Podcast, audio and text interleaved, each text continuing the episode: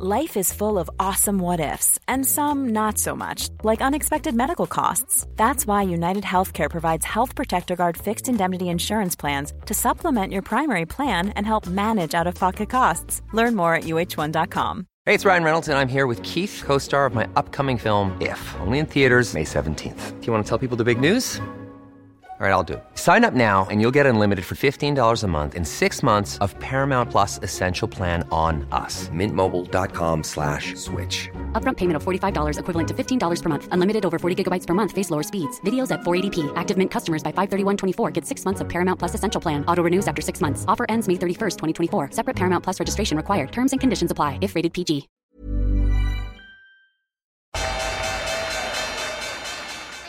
They mistook leverage for genius. Leverage for genius.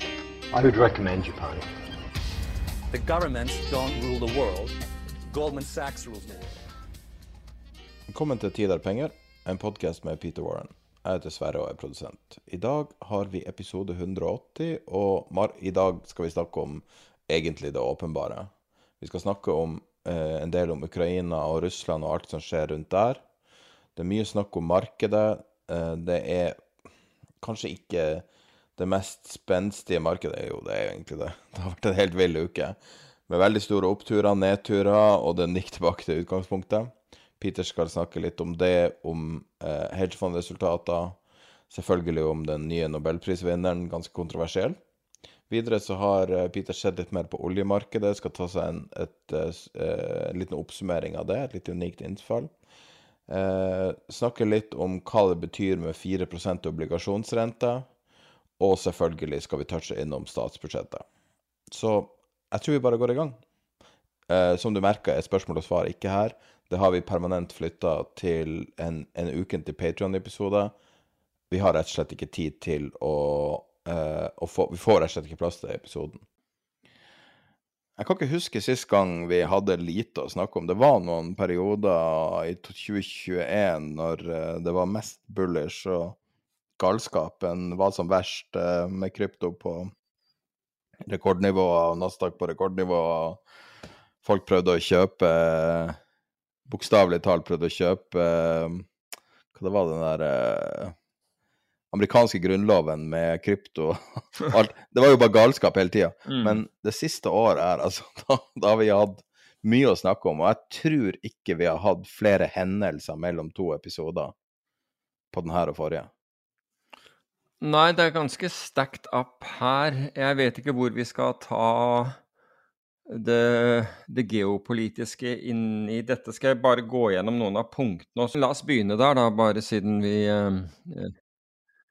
Ja, så Du kan si at det som skjedde forut for, det, som på en måte var en materiell endring, det var jo, eh, det var jo eh, eksplosjonen, undervannseksplosjonene i Nord Stream 1 og Nord Stream 2 som eh, det ikke syns å være noe særlig tvil om at det er sabotasje, men, og hvor mistanken klart går mot Russland, men hvor ikke dette er blitt bekreftet. Og Som vi snakket om sist, hvorfor gjør man det? Jo, det er for å vise Det er for altså den som gjorde det, og la oss, la oss anta det er Russland, um, de ønsker da å, å vise verden uh, hvilke kapasiteter de har. Se her, nå gjorde vi dette her under vann uten å bli Ingen visste at vi var der, og så blåste vi de. Og, og implikasjonen, altså du, Eller du er ment da å dedusere ut ifra det at det kan, det kan jo skje med hvilken som helst rørledning. Slik at hele hensikten er å få Europa, Norge helt opplagt blant de viktige her, til å føle seg veldig sårbar. Og det resulterte jo da selvfølgelig i at man mobiliserte i Norge og, og uh, alt fra Heimevernet til helt sikkert uh, spesialstyrker, mot akkurat denne en mulig sånn trussel, og så begynner man å overvåke uh, Nordsjøen på, på, på, en grundigere måte enn det, det, man har gjort, og osv. Det skaper jo på en måte en, en, en frykt. Men det, det, siste da er jo den uh, nå, det er jo den, uh, den uh, det angrepet, om man vil, mot broen mellom Krim og Russland. Og det er jo Altså, det her, det her skjer ikke under vann. Det, dette skjer Altså, det, dette kunne vært oppdaget. Det, er jo på en måte hele poenget med, med den aksjonen er egentlig et svar på, på, etter min oppfatning, på det som skjedde med Nord Stream 1 og 2. Her bare viser vi hvilke kapasiteter vi sitter på, og vi trenger ikke å, å, å være 100 meter under vann uh, for, for, å gjøre det. Vi, vi gjør dette her åpent. Og det er klart at det er en voldsom in your face til Putin. Og det er dagen etter at han altså det var Jeg håper å si synd, man skal være veldig forsiktig med, med, hvordan man uttrykker seg, men altså han var 70 år da, dagen før. Det har vært litt av en, en, bursdagsfeiring hvis det skjedde den dagen. Men det er klart at dette her, når man gjør dette eh, på den måten, så forteller det veldig mye om hvilke kapasiteter som Ukraina eh, sitter på. Og Russland har ingen grunn til liksom å, å, å feire det at man kan blåse Nord Stream 1 og 2. Altså, jeg må jo si det også, at hvis det må være noen i Kreml som tenker over greit å ta ut Nord Stream 2 det hadde vært liksom, altså Så lenge man forsto at det var sabotasje, så var, var nok gjort. Men ved å ta Nord Stream 1, så er det ikke mulig, selv om man til, skulle komme til en fred, og alt skulle være bra, så vil det ta år før man kan eh, skyve gass gjennom den, den rørledningen igjen. Så økonomisk sett så var ikke det noe sjakktrekk, for å si det mildt. Men ok, så, så, så, nå har man den situasjonen. Så nå har på en måte Ukraina steppet opp og, og besvart uh, det, som, uh, det, som, Russland gjorde. Og det var veldig sånn in your face. Og resultatet er, av det er jo at uh, Russland nå har, har, på en måte slått litt om i krigen. Nå, nå, driver man ren terrorisme. Nå angriper man mål man vet er sivile, og gjør det med krysseraketter. Så nå, altså, nå har man jo gått Altså, man, man snakker jo om, om massakrene i Butsja, blant annet, altså fra, fra tidligere. Men nå har du nå, nå er det ikke sånn at missilene ved, ved, en, ved, ved, en, feil, altså rammet feil mål. Nå, nå targeter man sivile områder. Og jeg tror bygningen til den, enten russisk, unnskyld, den, den, tyske ambassaden eller den tyske konsulatet i Kiev var en av de som ble, ble rammet. Og det, tror jeg, og det er jeg ganske sikker på. Jeg antar, antar at det, det, var, det var tilfeldig. Men og dette har vi snakket om ved, ved, ved, altså for en god stund siden når dette begynte. Altså Putin er en aggressor. Altså om, hans kapasiteter er ikke spesielt bra på dette. Og det, og det har jo avslørt at den, den russiske hæren er mildt sagt mangelfull når det gjelder eh, på, på, på, troppesiden. Men de har, de har panser, som, som riktignok har blitt tatt ut mye av. Og de, de har et, et, flyvåpen. Men troppene har Der tror jeg mange har, har våknet opp til at det er ganske langt un, under hva vi, vi, vi, trodde når det gjaldt russiske kapasiteter. Det vil, si, det vil, ikke si at alle troppene er dårlige, men det er klart at når du, når du gjør basic Altså, uh, hva heter det på Det heter vel antakeligvis rekruttskole på norsk.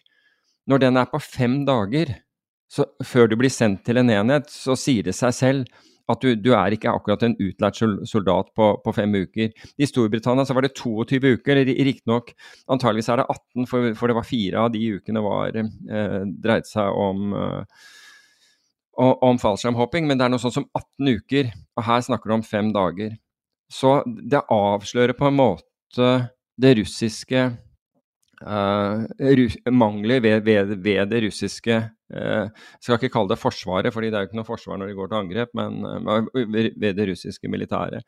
Så, så, nå har det eskalert, helt opplagt. Og nå blir det jo interessant å se hvor lenge kan Putin hvor lenge får han lov å bedrive terror mot sivile mål før noen, før noen reagerer på det også? Hva, hva du vil sammenligne med historisk, eh, så vi kan prøve å forstå hvordan en eskalering kan se ut? Fins det noen historiske linjer man kan dra? Nei, jeg, jeg, har ikke tenkt på dem som, som det. Altså, jeg, jeg, dro i den der linjen mellom altså moralen til de russiske troppene i Ukraina jeg dro for så vidt en viss linje mellom det og, og de amerikanske soldatene som, som, kjempet i Vietnam i sin tid. Ved, ved at kampmoralen til de fleste enheter er ganske, er ganske, lav. Forskjellen her er jo at du har, du har motstandere som har langt mer sofistikerte våpen relativt sett enn det nordvietnameserne hadde i forhold til, i forhold til amerikanerne. Så bortsett fra at, at det, at det Hadde, hadde f.eks.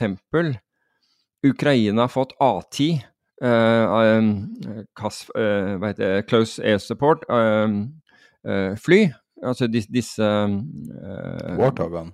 Ja, nettopp. Disse tomotors uh, altså Warthogen er jo en 30 mm roterende maskinkanon som man har bygget et, et flyskrog rundt. Og som i tillegg har missiler. Men hadde man hatt det da du Den der firemilskolonnen sto fast under, under invasjonen, så hadde det vært over da og da, der og da. Den hadde jo tatt fullstendig ut en sånn kolonne. Krigen ville vært over. Så man kan, men, og jeg tror fortsatt at man kunne hatt bruk, bruk for uh, den, den, type uh, ordinance, for, for, å si det på den måten. Men det er klart at man har steppet opp. Det er, det er, det er, det er en større sikkerhets, eh, sikkerhetspolitisk risiko, eller geopolitisk risiko nå. Og det ser du jo også, for Kina skal da også ha uttalt at nå må man de, begynne å deeskalere denne krigen. For verken Kina, India eller andre støttespillere til, til, eh, til Russland, men kanskje med unntak av Belarus, så, som, eh, som synes totalt indoktrinert, um, ønsker at verdenshandelen og veksten skal falle dramatisk.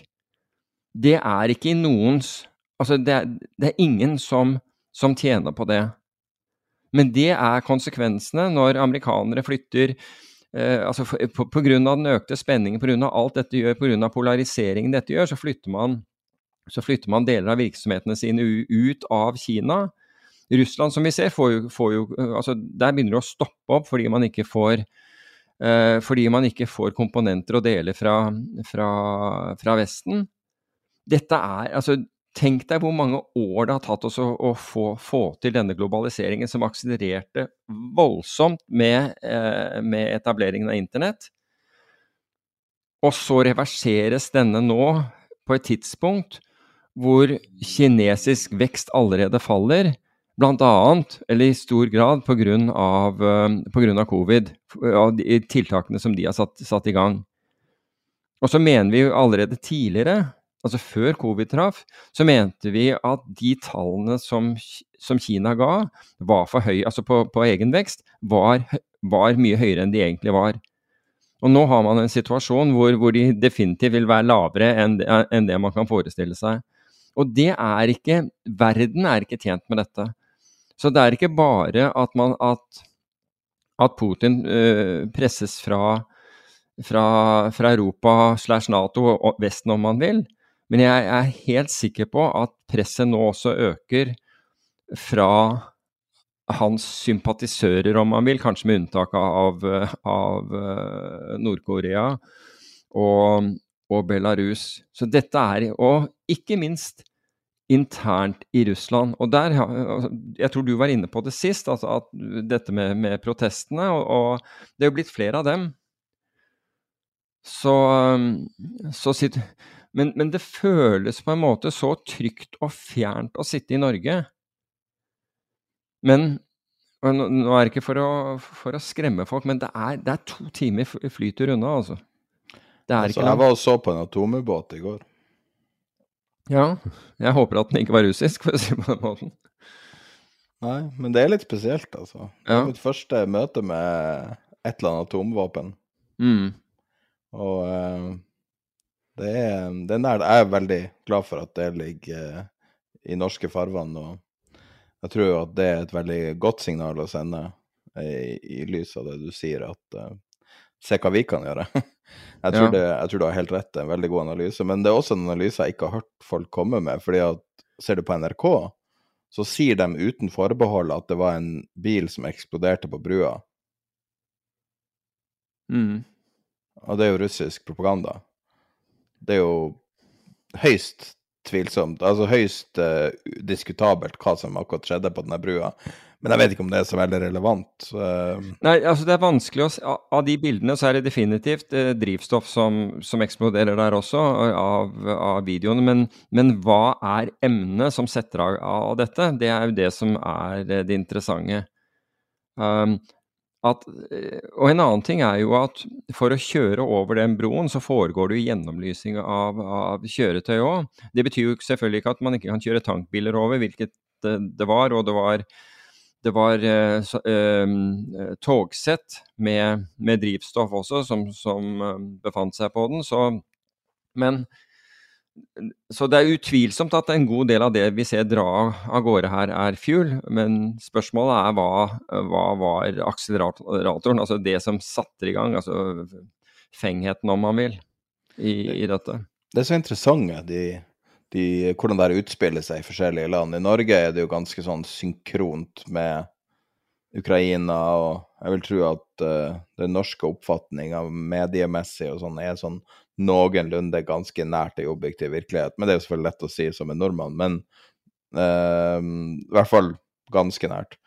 Uh, og at Europa er mer eller mindre i synk. Men det er rart å oppsøke media som du tidligere har oppsøkt, og du leser mer eller mindre nesten det som kan oppleves som vrangforestillinger, der f.eks. at Putin blir trukket fram som en fredssøkende person, og Zelenskyj er en krigshisser, og at alt handler om Biden.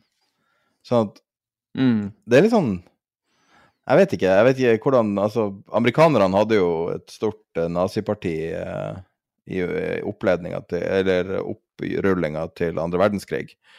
Og det er litt sånn Jeg vet ikke, det minner litt om, om den biten. Det det er mange som føler som er på feil side av historien. Og det er vanskelig å vite. Selvfølgelig, kanskje Zelenskyj er forferdelig, men jeg tror ikke det. Altså.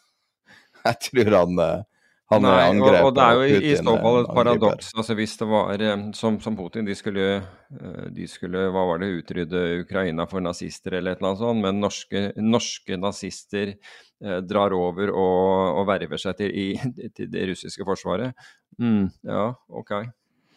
Nei, det, det, men det føles litt sånn du må virkelig stålsette deg, og du må være mye mer kildekritisk enn tidligere, føler jeg. Bare ja, det, for et halvt ja. år siden. Ja, det er jeg også helt, helt enig i. Um, men vi er på en måte Men det, det kan du si at vi er i enhver, i enhver form for krise, så er vi i en unik situasjon. Den er ikke helt unik, for den, den stort sett gjenspeiler andre situasjoner på en eller annen måte tidligere. Men uh, men jeg, jeg, kunne ikke la være å uh, det var, Dette var et sitat. Jeg er ikke sikker på hvor jeg leste det. Uh, ellers så skulle jeg selvfølgelig ha kreditert der, der, det sto. Men hvor en av dem sier jeg har vært i bransjen i 40 år og, og, vet at alt som går ned, skal opp. Dette er en IT-investor som da har tapt 57% i snitt på, på Jens Ruggseth. Ja, ja og, og, det er kun de som selger, som har tapt. Um, da var, da var, du ikke der når dotcom eh, sprakk. For ve altså de vesentlige uh, selskapene der gikk nedenom og hjem og kom aldri tilbake igjen. Gullkornene gjorde det. Det er helt riktig. Men det meste ble bare wiped out. Så enkelt var det. Så å si Men tilbake til sikkerhetspolitiske. Ja. Hva er ditt overordna syn på det vi ser nå med tilsynelatende vestlige regjeringer som i mye større grad throw caution to the wind, og vanskelig å vite hvorfor. Det virker som man er mye mindre forsiktig med hvordan man forholder seg til Russland.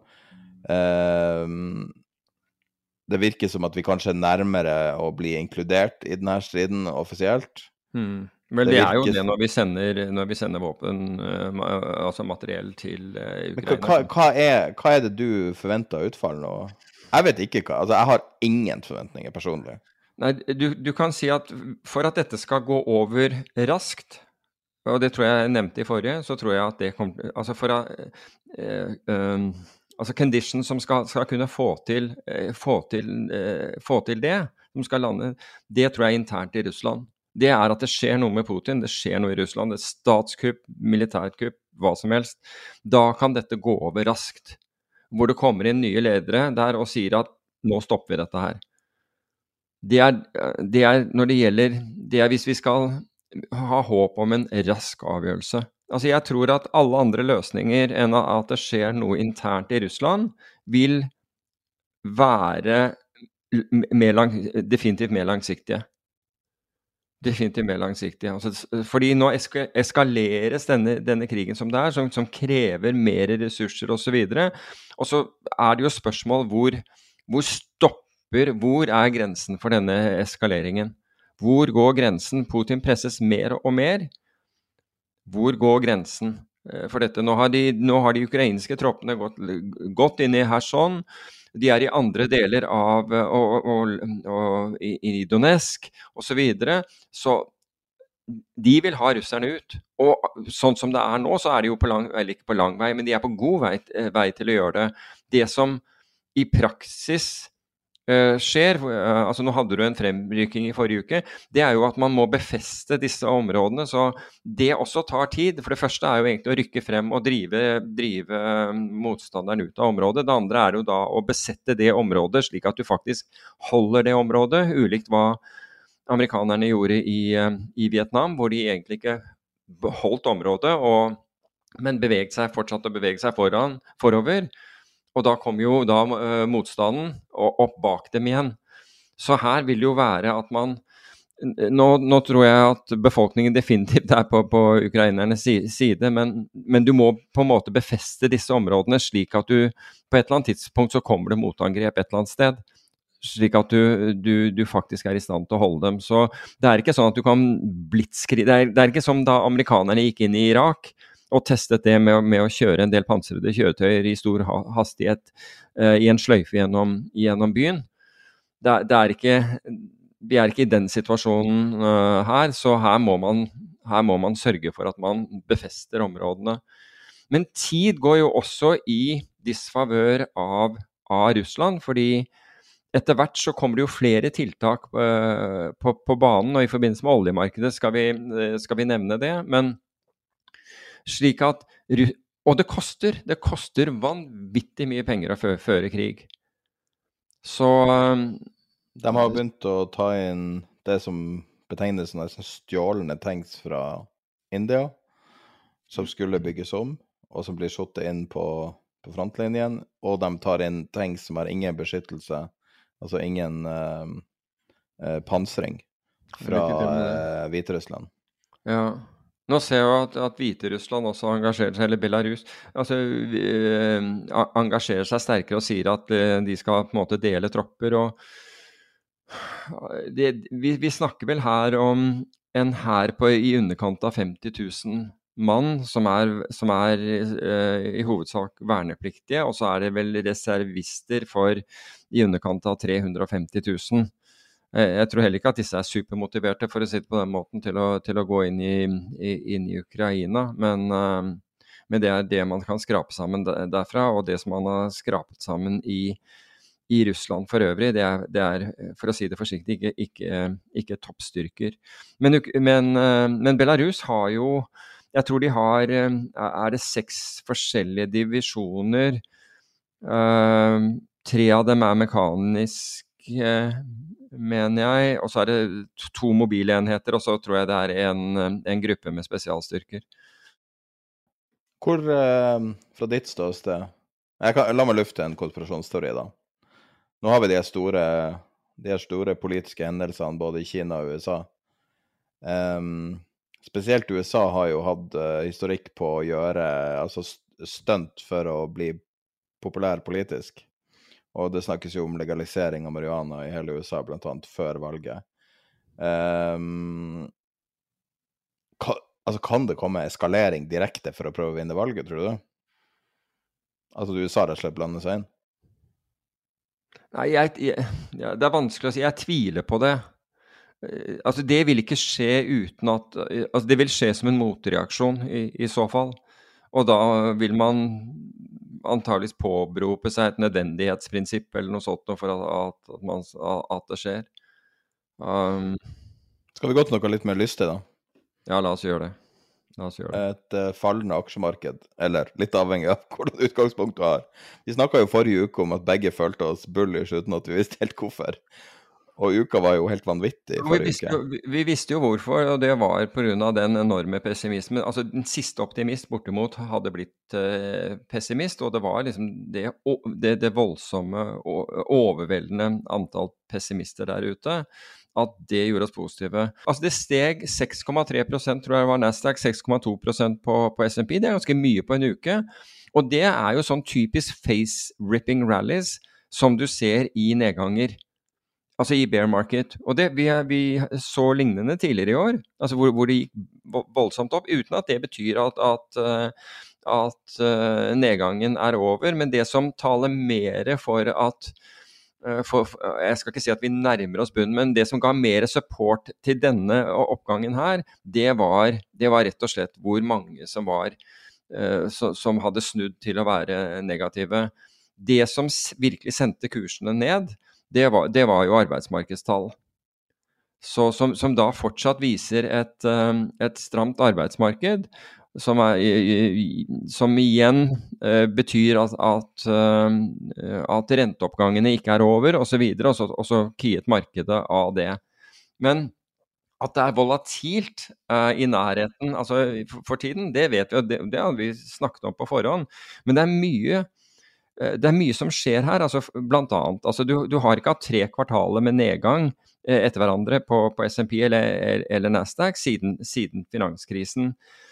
Amerikan, altså Kvantitativ tightening, med andre ord altså motsatt av lettelser, at de trekker inn likviditeten. altså hvor, eh, hvor eh, eh, hvor obligasjonene eh, rett, de lar de forfalle. Det, siden april så har den vært på 260 milliarder dollar. Så det er betydelig altså her, her strammes det inn, og de, de, de følger den politikken de, de skal gjøre. Jeg vet at mange nå begynner å snakke om nå kan det ikke være så lenge før, eh, før sentralbankene eh, rett og slett må, må stanse. Jeg, eh, og svaret mitt på det er at jeg tror det er altså Forrige gang snakket vi om at det var en far out of the money put. Det at sentralbankene skulle komme inn. altså Det var ikke de nivåene vi så. Jeg tror vi er nærmere de nivåene nå, men, men, men ikke der enda, rett og slett fordi Rett og slett pga. arbeidsmarkedet. Så og nå, Men nå begynner jo dette å skape problemer. Fordi nå har du liksom hele komplekset av, av amerikanske statsobligasjoner nærmer seg 4 rente eller er over. Eller den, i korte enden, ikke sant, toåringen er, er, er over, og de andre er rett i underkant. Og Det betyr at USA nærmer seg å være altså bare å ha amerikanske stat en rentebærende eh, eh, altså hva heter det, rentekostnad på en billion dollar. Husker du vi snakka om det som en sånn framtidsvisjon når de nådde det målet? Ja. Det føltes som du skulle komme litt lenger fram i tida. Ja, det gjorde det. Og vi tok ikke høyde for veldig økte renter. Nei, eh, så Raskeste voksende rente tror jeg noensinne nå. I ja. fall, eh, det ser ja, det er- hvert fall stygt ut på grafen. Det absolutt, eh, det er absolutt voldsomt. Og det, og det er klart at man Det kan nok være at man må øhm, Nå var det jo Bank of England som egentlig reddet rentemarkedet i uke, altså obligasjonsmarkedet for, for ca. to uker siden nå. Da du hadde det voldsomme fallet. altså Du falt 65% var det på seks dager eller noe sånt. Den, Ja, du må ikke si det hvis du går og sjekker renta akkurat nå. Jeg var jo satt og så på britiske renter nå for fem minutter siden, Mm. bare og så på mark. Og den begynner å klatre tilbake mot eh, den forrige toppen. Jo, jo, men, men, men poenget mitt var at da så vi at sentralbank, eh, sentralbanken kom inn, og det hjalp også de øvrige rentemarkedene. Men det er som du påpeker, bri, eh, eh, britiske statsobligasjoner, altså de, de, for- de pusher, pusher nedover. Spredden mellom Italia og, og, og Tyskland øker, opp, opp, ligger rundt 2,5 Det er mange ting i systemet nå som, som knirker og knaker. altså. Så, så det er hakket før båten virkelig tar inn vann, for, for, for å si det på den måten. Så Jeg synes det er rart at folk ser på Credit Suisse. Jeg kan si at eh, ECB og, og, og Fed har jo begge eh, vært ute forrige uke og sagt at vi frykter, vi frykter problemer i banknæringa. Jeg tror det er en reaksjon på Credit Jeg er fortsatt skeptisk til eh, bankproblemer. ja, Men når de sier det, kanskje de vet det, men um, jeg tror du må se på folk husker den gamle krigen litt for godt. Ja, men jeg, jeg tror, du må, du, jeg, jeg tror du, må, du må fjerne deg ett nivå fra det og se hva er det som kan, som kan påvirke det i øyeblikket. Og det som påvirket nå, da britiske sentralbank kom, kom inn i markedet, det var jo pensjonskasser som ikke kunne møte sine marginforpliktelser, altså sine sikkerhetsforpliktelser. Og det er klart at det kan også skje i andre markeder, selv om det amerikanske pensjonssystemet er også et, et giret pensjonssystem. Altså øh, pensjonsforetakene bruker, øh, bruker swap-kontrakter på samme måten som, øh, som, man gjør i Storbritannia. Men det er sagt at giringen der er, er lavere generelt. Men, det, men, når du går fra den ene radikalen til den andre, så, så by, husk på at at det, som sagt, at det har falt både aksjer og obligasjoner har falt. Og det betyr at inntektene er blitt borte for, for pensjonsforetakene. Og pensjonsforetakene har lovet pensjonistene å levere pensjon. Og nå er, altså Det som har skjedd i år, er at det er, det er ikke kommet noen inntekter. Tvert imot, mark to market, så har man, så har man svære tap. Noen av disse her har jo, har jo Altså en av, uh, en av uh, tingene bak, bak, det å være Å ha brukt swap-kontrakter, det er jo bl.a. At, at du binder mindre kapital, du kan bruke kap den kapitalen til andre ting. Men, og noen har jo plassert disse midlene i eiendom, og noen har plassert i hedgefond osv., slik at det har vært inntekter fra andre. Men pga. alt som har skjedd de siste årene, så har all vesenskapital gått inn i aksjeobligasjoner. Fordi man, man gjorde liksom ikke stuerent å, å, å, ha alternative eh, investeringer. Det ble liksom sett ned på. Hvorfor skulle man det når aksjemarkedene gikk opp, og det samme gjorde obligasjonsmarkedene? Slik at diversifiseringen er veldig dårlig. Og det kommer ikke tilbake til, til, til å ramme Storbritannia, for å si det på den måten. Så jeg syns det er litt sånn rart at alle venter på sentralbankene skal snu så fort. Vi har jo helt jo, nylig det, det, jo, fått beskjed ja, jeg vet det, men, men det liksom, folk, folk, har jo fått inn det med morsmelken. ikke sant? Hvis du kom til markedene et, etter finanskrisen, så fikk du det inn med morsmelken.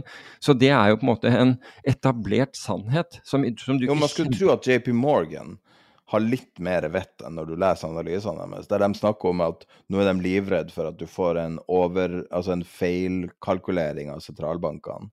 Det har vi snakket om hele tiden. Altså, vi har høyeste kjerneinflasjon i Norges historie, selvfølgelig. Vi har, vi har snakket om akkurat det samme. Altså, det, du, sentralbankene har en ekstremt dårlig track record for, for, å, for å, håndtere infla, i, i, inflasjon. Ja, eller i hvert fall for å spå det. ja, men også, ja, men også for å håndtere altså, Du kan si om du klarer ikke å micromanage inflasjonen. Faren er og det, Nå skal ikke det liksom gjenta det vi har sagt før, men det er, det er viktig når, når, nå plutselig det dukker opp i, i den alminnelige diskursen, og bl.a. sånn som JP Morgan egentlig bare bekrefter akkurat det, det vi har sagt, er at hvis du, hvis du er for hårhennet, så risikerer du å brekke den underliggende økonomien. Og hvis du da samtidig brekker den underliggende økonomien, men ikke inflasjonen, bom, der har du stagflasjon med en gang. Men altså, jeg er bekymra jeg er mindre bekymra for om de her sentralbankene gjør feil. Jeg er mer bekymra for deres generelle kompetanse. Så hør på det her sitatet her, da. Han Waller, en eh, medlem i Fed Det er jo mange, mange uttalelser fra Fred. Eh, eh, bare de siste par ukene tror jeg det var 21 Fed-taler i USA. At de har en offisiell tale. Og det er uvanlig mye, så det er tydelig at de er ute etter å, og, og, liksom å korrigere, korrigere det offentlige recorden. Men uansett, så Waller hadde uttalt seg. Og han sammenligna likviditeten i amerikanske statsobligasjoner med eh, trading av altså, Det er jo ikke reelt, da, men trading av eh, gresskar. Eh, og han sier 31.10 så er likviditeten for gresskar veldig høy, men 1.11 er likviditeten eh, falt til null. Mm. Jeg kommer ikke til å steppe inn og prøve å fikse det markedet. Og jeg skulle ha tenkt på det der nå Når var det kom ut? 6. oktober, siden da. For det ene, på den ene sida er det artig at han uh, tilsynelatende siterer en veldig artig Simpson-vits. Mm. At Homer driver og treide pumpkins. Men uh, det virker på meg som Altså, er, det de her Er det her redningsmenn, eller må vi gjøre det sjøl? Da mener jeg vi kollektivt markedet. Altså, Problemet med marked Jo, du kan la markedet klarere seg selv, men, men det betyr jo sannsynligvis en voldsom øh, volatilitet i det. Fordi etter finanskrisen så har, man, har, myndighetene endret markedsstrukturen gjennom regulering, slik at den består i vesentlig grad av high frequency-tradere som ikke ønsker å ha ting på bok. Ja, Det er vel ikke high frequency i treasuries, er det det? Jo, det er det. Det skal jeg love deg. Det er reelle kjøpere, ja. Absolutt. Ja, men Det er selvfølgelig reelle kjøpere òg, men, men, poenget mitt er at når du har en ubalanse i markedet, altså la oss si at de er enten kjøpere eller selgere, som, og det har vært mye, mye selgere i det siste, hvem er det på den andre siden? Det er ikke bank-propdesker som, som, er villige til å ta flere milliarder i, i, i treasuries. Det er high frequency-tradere som er lynraskt inn og ut og, og offsetter den risikoen. Alt det de kjøper, enten har, får de solgt umiddelbart et, et, et, annet sted, eller så offsetter de med å selge en annen, uh, en annen uh, obligasjon, altså med en annen uh, løpetid. Eller så går de til et annet marked, f.eks. et tysk eller hva som helst. Offsetter, et eller annet sted og offsetter de den, den risikoen.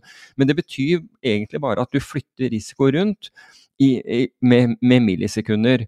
Og dette så vi under covid, hvor det eneste måten å få, uh, å få likviditeten tilbake i markedet, var at Fed, som tross alt er, er de markedet er til for, bortimot, uh, steppet inn. Og at rett og slett sentralbanker stepper inn og begynner å lage markeder. Og det er den derre at vi stepper inn selv, som du sier. Altså selv, det vil være sentralbanken, for det er det, sentralbank... Du har JP Morgan og du har uh, Bank of America, to største reelle kjøperne av statsobligasjoner, har vært det i lang tid. Ja, Så lenge de er reelle kjøpere, ikke sant, så har de, da, de kjøper for behov, de kjøper ikke for, for, for å tilføre markedet likviditet. Men den sekundære uh, greia som jeg var, var innom i sted da du, da du, nevnte dette med kredittsvis, det er alle disse uh, pensjonskassene som har da f.eks. swap-kontrakter. Uh, Istedenfor obligasjoner, så, så, sitter de og eier uh, så, så, sitter de og eier rentefutures eller swapper eller, eller, eller, hva som helst i, i, forhold til de forfallene de har. Det som er med disse swappene, det er jo at uh, pensjonskassene bruker det istedenfor å drive og kjøpe obligasjoner. Så det, det, dermed så trenger de ikke å bruke så mye egenkapital uh, i markedet, men det gjør jo også at de, et, de, kjøper et giret produkt av en bank. Og her kommer problemet, eller det potensielle problemet med banker. Det er at de er motparten til dette, og, hvis, og vil da forlange Eh, hvis disse swap-kontraktene går i disfavør av pensjonskassen, selv om den har forpliktelser i fremtiden, så vil banken kreve mer sikkerhet. Hvis pensjonskassen ikke kan levere den sikkerheten, så blir banken tvunget til å kvitte seg med disse swappene i potensielt et illikvid marked hvor andre også har behov for å gjøre det. Ref Archegos, selv om ikke det var en, en pensjonskasse på den andre siden, det, det, var bare en family office, som vi husker. Så tenk deg hvis et antall pensjonskasser plutselig får et problem. Hvordan er det her eh, ført? Er det ført som de swappene, blir de ført som derivater på, av banken? Hos, ja, hos bankene så blir, de, eh, så blir, de, ført som derivatkontrakter, ja. Ja, for jeg sitter og ser på en oversikt over eh, banker sortert på derivater. Ja, og der har, og tallene er så store. Nå er jo det, det er en veldig sånn Jeg liker ikke å, å, eh, å sette den nominelle, nominelle, verdien på alle derivater. Da, det, det, er litt sånn skittent triks for å få tallet til å bli veldig stort og stygt. Men men det er store og stygge tall, og det er JP Morgan, Goldman Sachs, City, Bank of America, Wells Fargo i mhm. fallende størrelsesorden, da. Men det er så store tall at jeg må faktisk konsentrere meg om tallene. Det er liksom trillionstørrelse, billion eventuelt, eh, på de derivatene. Så, men det, så det er tydeligvis mange av de her. Der, men det du ser der er bruttotall, ikke sant? Du, du ser ikke om, om, dette er Altså hva som Du kan si at hvis um, Jeg legger med den oversikten i nyhetsbrevet, forresten. ja, så hvis, du kan si at hvis JP Morgan uh, selger en swap-kontrakt til en pensjonskasse et eller annet sted, uh, og, samt, uh, men, og, og, samtidig går f.eks. til Bank America og kjøper tilbake en, den, den, kontrakten, så står den i balansen som, på JP Morgan som to ganger beløpet istedenfor null. Ja, ikke sant. Og det er derfor det er så uærlig å komme med sånne Ja, nettopp fordi, fordi den risikoen du, du faktisk løper hvis du, har lukket den, altså hvis du egentlig har lukket markedsrisikoen, er jo motpartsrisikoen mot, øh, i dette tilfellet mot Bank of America eller, det, eller, eller den pensjonskassen. Um, det er jo utrolig artig at akkurat nå, når det så koker som verst med den her, som noen mener sentralbank starta inflasjonen, og så får faen meg Ben Bernanke nobelprisen i økonomi. Ja, altså det som det, det, det, det er to måter å se det på, og det er den ene. Jeg kan jo si jeg skal være, jeg skal være fair med han. Jeg vil ikke at vi skal være uærlige. Her er det han fikk premie for.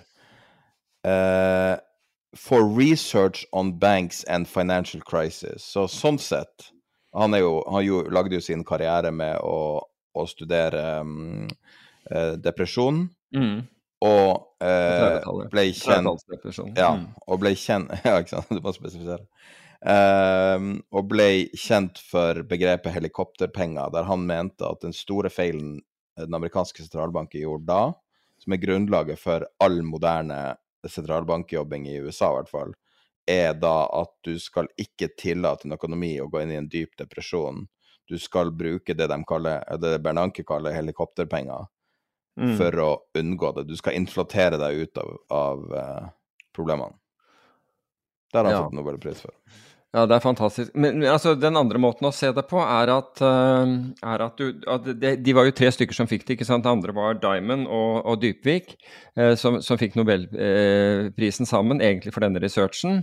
Og måten jeg ser det på, er at Bernanke skapte, skapte, eh, skapte den krisen som nå, som alle tre driver og forsker på. Så uten Bernanke så hadde du ikke hatt noe å forske på, da ville det ikke vært noen nobelpris til de to andre. Så, så de, bør, de bør rette en varm takk til Bernanke. Men han, han har jo fått han har, altså Det er jo riktig å gi nobelpris hvis, hvis nobelprisen er gitt for research om kriser. Det er jo helt riktig, Ja da. basert Ja på han, For han har jo gjort ja, det, men altså det er jo, symbolikken er jo helt absurd. Ja, Så vi det. står midt oppi det faenskapet. Jeg syns også den der er, er, er eh, merkelig. Absolutt. Så Så har jo FN begynt å blande seg inn i sentralbankpolitikken også. Da vet du at det er ille. Ber, for, ber dem stoppe. Å ja, ok. Nei, den har ikke, det har jeg ikke fått med meg. Så på, eh, på hjemmesida. De er veldig, også veldig bekymra for policy mistakes. Jeg har aldri, jeg har aldri hørt om FN snakke om sånne ting. ja, det, det er hyggelig at, at, at man har kommet til det. Det er jo fantastisk. Jeg er også bekymret for de der eh, policy-mistakene. Jeg er også bekymret for norske policy mistakes, men bare, bare så det er sagt. Men det kan vi også komme tilbake, til. Ja, det, det skal vi komme tilbake til. til, til, til, tilbake til. Eh, Så- når vi er på markedet, kan jeg få lov å, å hva, hva var de her tre ting? Nei, de er fire tingene vi ikke skulle snakke om. Jeg husker ikke. Ja, det, det er Tesla, eiendom uh, Hva er det vi har snakket om? Det er, er det ikke fire ting, da? Men jeg prøver å huske hva Altså, det er sånn det er ting du må bare ikke snakke om. Krypto. Krypto. Ja, Så må du ikke kalle det krypto. eh, Du må ikke snakke negativt om krypto, Tesla eller eiendom. Det er i hvert fall helt sikkert. Det må du bare unngå. Eller, Um, eller Elon Musk, for den saks skyld. Jeg kan jo si at vi har gjort vår egen analyse, eller vi, vi får egen analyse fra en lytter som gjør, som gjør eh, regelmessig analyser av det norske eiendomsmarkedet gjennom Man har funnet en finurlig måte å gjøre det på.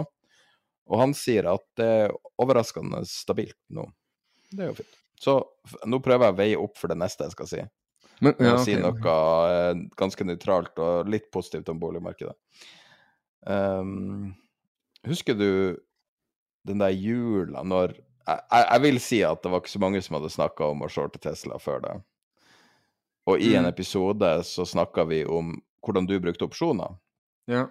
Og så foreslo jeg da en short, en big short på Tesla. Det var før lansering av modell 3, og eh, det var på tidenes topp da. Og da er spørsmålet mitt er det på tide med en ny big short i Tesla. Um, var vel ned 15% 15-16% i forrige uke, var den ikke det? Kan godt hende det. Absolutt kan godt, kan godt hende. Det, det er de som mener at uh, Men det, de har ment det hele veien. Jeg har vært veldig, veldig forsiktig siden den, uh, eh, den gangen. Altså, vi gjorde to, ved, to tilfeller. Den første, og begge med, med opsjoner. Den, den første jo, ble jo innertiere, og den andre ble break even. Men, eh, men, men, da var vi tross alt på 300 dollar, altså før splitten, bare så det er sagt. Før um, begge splittene? Ja, unnskyld. Før, absolutt før, før begge, begge, splitter. Men det kan hende at det er det at det er uh, tid å gjøre det, i hvert fall. Hvis han, uh, hvis han nå må ut og selge uh, mange aksjer for, de, for, å kunne finansiere Twitter, det Twitter-oppkjøpet som dommeren ikke lot han utsette, i hvert fall ikke rettssaken lenger enn hva var det, en måned eller noe sånt. Så, Men å støtte Russland og Kina sine ja, det, det, ja, jo... utenrikspolitiske avgjørelser samme uka ja. Det må være en slags ny rekord. Jeg kan ikke forestille meg at det er good for business. Nei, jeg ville heller ikke trodd det. Jeg ville heller ikke trodd det. Um... Jeg ville bare hive det inn når vi hadde markedssnakk. Ja, ikke det var viktig nå. Jeg ville gjerne høre dine syn på det også, om hvordan prisinga er nå. Nei, altså, du, du, kan si at jeg, har, jeg mener jo, og har ment at det har vært, vært hinsides prisning på det, det, selskapet hele veien. Jeg bare ikke Altså, når jeg, når jeg oppdager at det, er, at det ikke er eh, finans lenger, men en religion, så er jeg forsiktig med å, med å shorte. Men gjennom opsjoner kan man alltid gjøre det så lenge man har begrenset risiko i det, det, man, i, i det man, gjør. Men det er, det er, noe helt annet når ting blir religion for folk. Så da, da mister du fullstendig bakkekontakt. Da betyr ingenting noe, fordi da er, da er vedkommende blitt en Messias. Og, og, alt det rasjonelle forsvinner. Så det kan, det kan hende. Jeg, jeg, skal, jeg, skal, jeg, skal, kikke litt på det. Men det er så mange andre ting som på en måte fremstår som interessant å se på muligheter i, i øyeblikket. Men det kan jo være en av dem. Det ikke, betyr jo ikke at man ikke skal ha noe som helst der. Altså Apropos folk som, eh, folk som er kon kontrære, så kan, jo, kan, vi jo nevne eh, så, så, kan vi jo nevne bl.a. Michael, Michael Platt. Altså Han hadde hedgefondet Bluecrest som han i, i 2016 eh, eller i 2015, da hev han ut alle da, da, Jeg husker ikke hvor mange milliarder dollar de hadde til forvaltning, men pga. At, uh, at uh, det ble bare mer og mer og mer regler og kostnad, uh, mer og mer kostnadsfylt å drive, så fant han ut at, at han, dette orket han ikke mer. De, myndighetene forhindret ham i å kunne kunne, investere på en fornuftig måte eh, gjennom, gjennom, regulering. Så han, ned, eh, så han ga eh, investorene tilbake pengene og da, og, og fortsatte da med, med, med, selskapet, men da som et family office. Um, og det er ganske interessant, for da siden det så har han ikke hatt et, et, et tapende år. Han, øh, han var, I 2016 var han opp 50% i 2017 54% i 2018 25% 2019 50% 2020 95% 2021 30% og 2022, som de aller fleste har, har store tap i, er han opp 114% Totalt siden 2016 så er han opp 2350 Jesus det, Christ. I alle dager! Hvorfor snakkes ikke han her om bare ja, jo, så, i, i, finans så, så, vet de, altså i internasjonal finans så vet de fleste hvem, eh, hvem, eh, hvem eh, Michael Platt er. For han er jo ganske out, outspoken fyr. Uh, men uh, Jeg liker å tro at jeg vet litt om finans. og ja, altså Mike, Mike, Platt er, er, er, en veldig kjent uh, størrelse. Men, men, men, han overgås jo Han overgås jo da av av Zaid Haidar i, i, år. Og Zaid eh, Haidar han, han, er jo på en måte en spennende fyr. Jeg tror han er, han opp 224 eller 227% eller noe sånt hit, hittil i år. Men han kom jo opprinnelig ut av Drexel før han gikk til Lehman Brothers, og før han gikk til Credit Suisse, før han startet sitt eget hedgefond. Han har vært eh, arbeidsgiver av Nøye.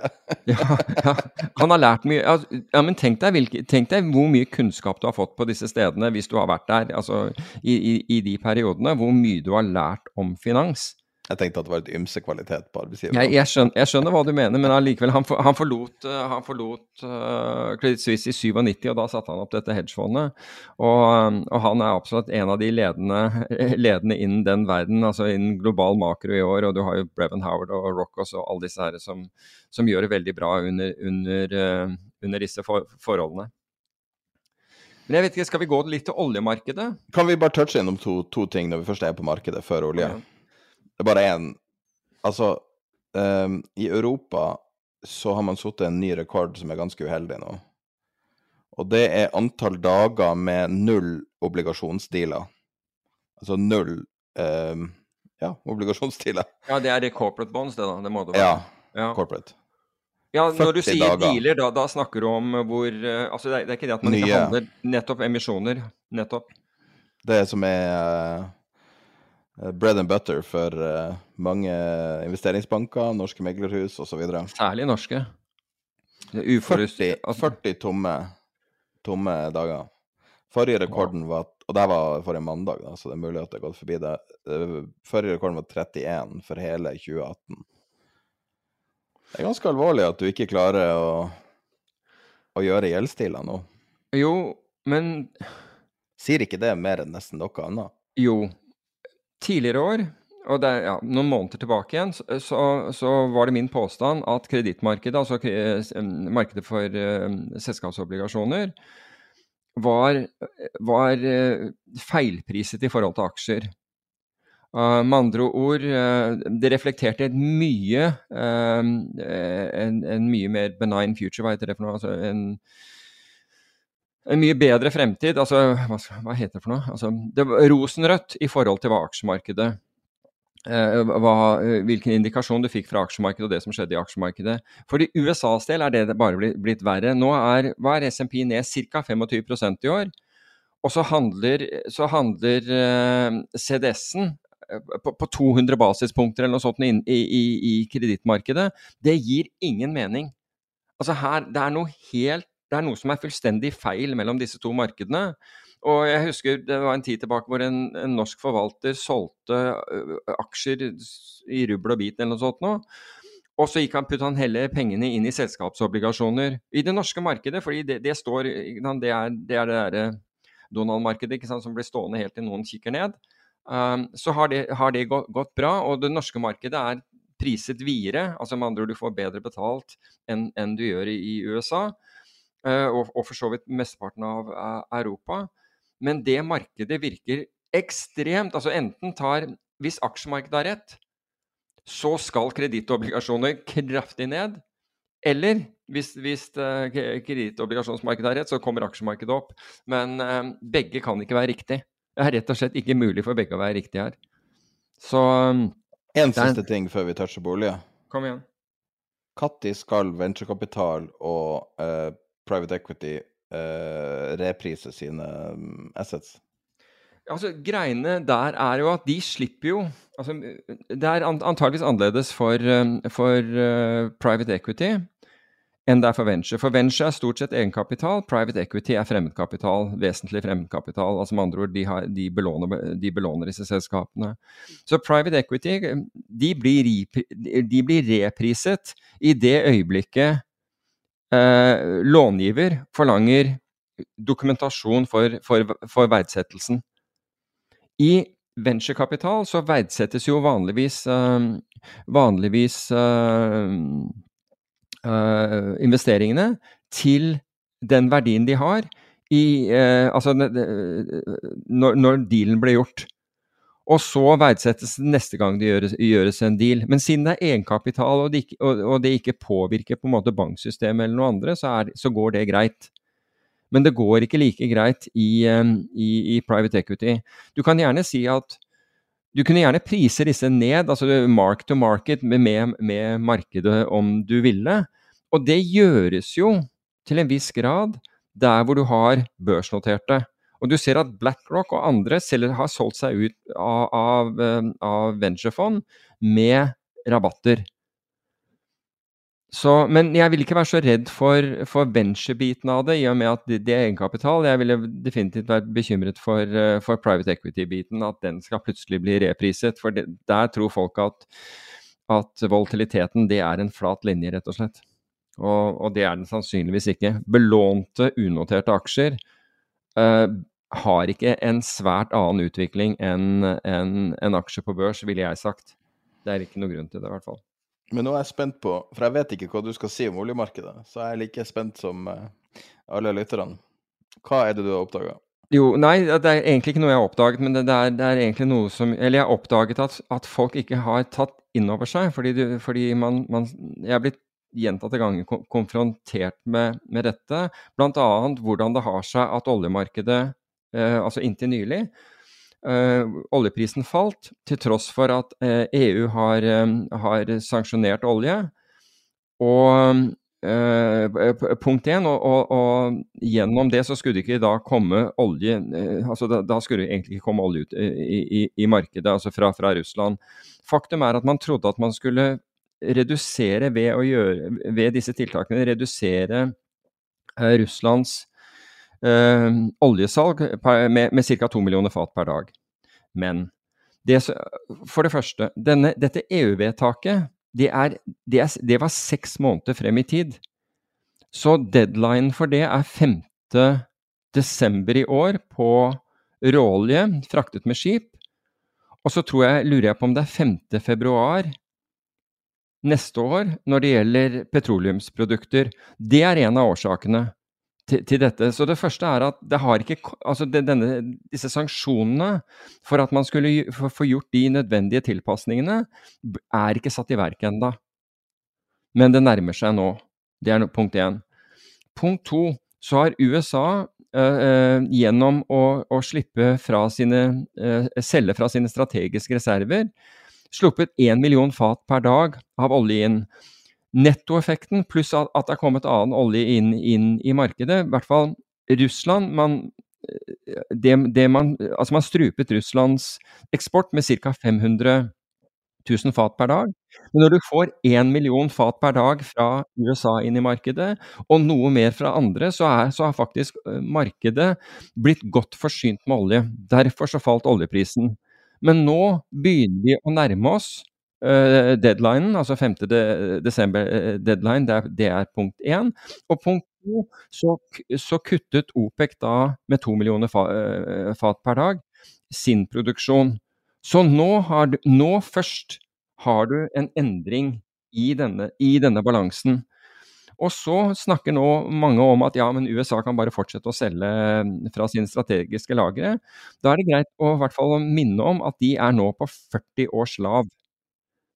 Så de har virkelig drenert disse, disse lagrene. Og i forrige uke så, så vi akkurat det der. Altså, da gikk oljeprisen den gikk vel opp ca. 15% og gassprisen falt 19 i, eh, i, i, forrige uke. Så det var liksom vinneren og taperen i, i, i forrige uke eh, i, markedene.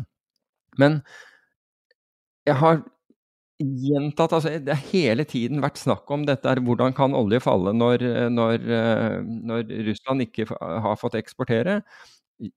Saken er at Russland har fått eksportere, og vi har tilført markedet mer olje enn det, en, en, en, det kuttet foreløpig var fra, fra, fra, Russland.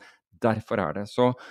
Men det jeg ikke kan forklare, og og, og, og, jeg har ingen god forklaring på dette, men jeg forsøker å utnytte det selv, bare for å si det på den måten. Det er Hvis vi vet at det blir mindre olje i markedet f.eks. fra 5.12., vesentlig mindre olje i markedet fra, fra 5.12., hvorfor da er olje for, Hvorfor er ikke da olje for levering etter 5.12. høyere priset enn olje for levering i dag? Det er det ikke. Det er fortsatt en kraftig backwardation i den kurven. Og jeg er så kontrær, og kan hende dum, det vil vise seg i ettertid, at jeg har utnyttet det med å trade lenger ut på den, den kurven, altså der hvor, er, hvor, olje er rabattert, nettopp fordi det skal virke der fremme, og jeg tror dette vil ha en effekt på markedet. Ting kan skje mellom da, me, mellom, uh, mellom uh, da og nå, selvfølgelig, men og i hvert fall hvis du skal gjøre opsjoner. For det første er det lavere volatilitet i, i bakmånedene, og du får en billigere pris for, for oljen. Så får vi se om markedet, eh, representert her ved, ved eh, forward-kurven på, på, olje, har rett. Eh, eller uærbødig jeg har det, når, at, at, the end of the day. Men, uh, men foreløpig så har det i hvert fall virket. Uh, Nordsjøoljen opp 14% i oktober.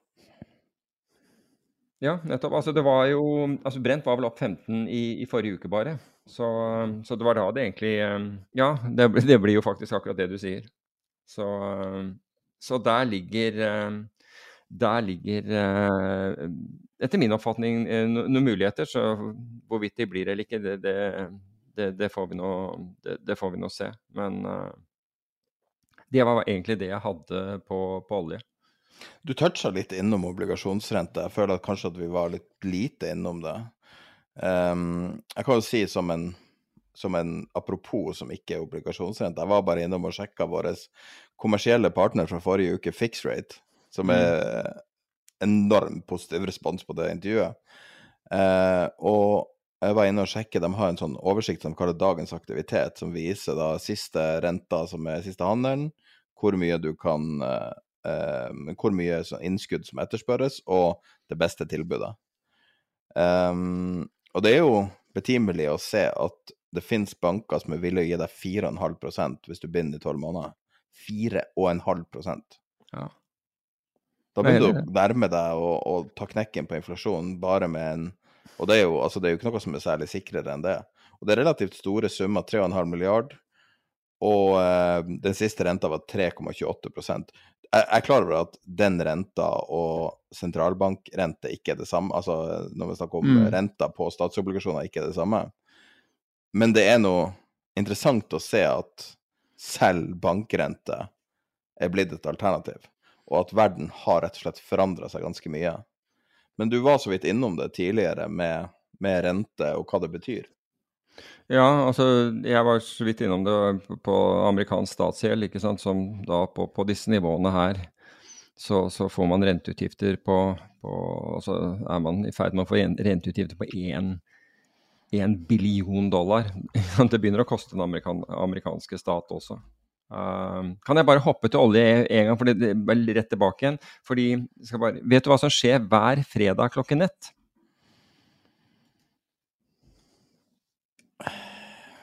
Det er oljerelatert marked, det er ikke helt oljemarked. Det er fredag klokka ett. Nei, Er det noen tall som kommer fra eh, om spekulative posisjoner? Nei. Nei, ingen verdens ting egentlig skjer, annet enn at Shell-stasjonen i Fredrikstands gate i Oslo oppjusterer oljeprisen sin hver fredag klokken med eh, bensinprisen sin med to kroner. Ok, Ja, men Helt... det stemmer jo overens fordi at den skal ta fredagstrafikk? Ja, nettopp. Nettopp. Altså, det skjer det er sånn at folk står og tar bølgene og ser Er det det du har lagt inn? Det klokkeslettet du har lagt inn? det nei, nei, det er, nei, det er, ikke den. Det er ikke den. Jeg skal ta, det, ta, den, ta den, etterpå. Men, men, da vet du at markedet fungerer og, og, og er godt regulert. Du, men du, altså det, det, er en ting som uh, Vi skal innom statsbudsjettet snart. Men uh, når man snakker om at det er så forferdelig at, uh, at drivstoffpriser blir redusert Men vi har jo sett nå at økte priser på drivstoff påvirker ikke bruken i det hele tatt, fordi at folk kjører fordi de må, ikke fordi de vil. Det er bare et apropos. Ja, det Så det er jo den prisen du snakker om her. Folk skal på hytta uansett faen. For å stenge den fordi at de ikke har råd å ha den åpen på hele vinteren. Men uansett, de skal på hytta.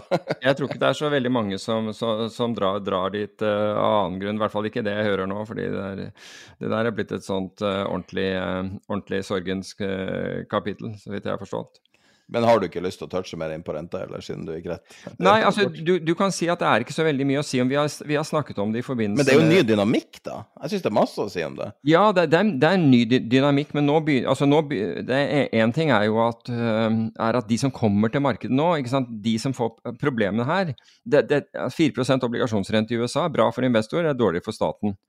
For investor som kommer inn og kjøper disse nå, er i hvert fall garantert 4% årlig avkastning i, eh, i 10-30 eller, eller, eller, hva det blir eh, antall år.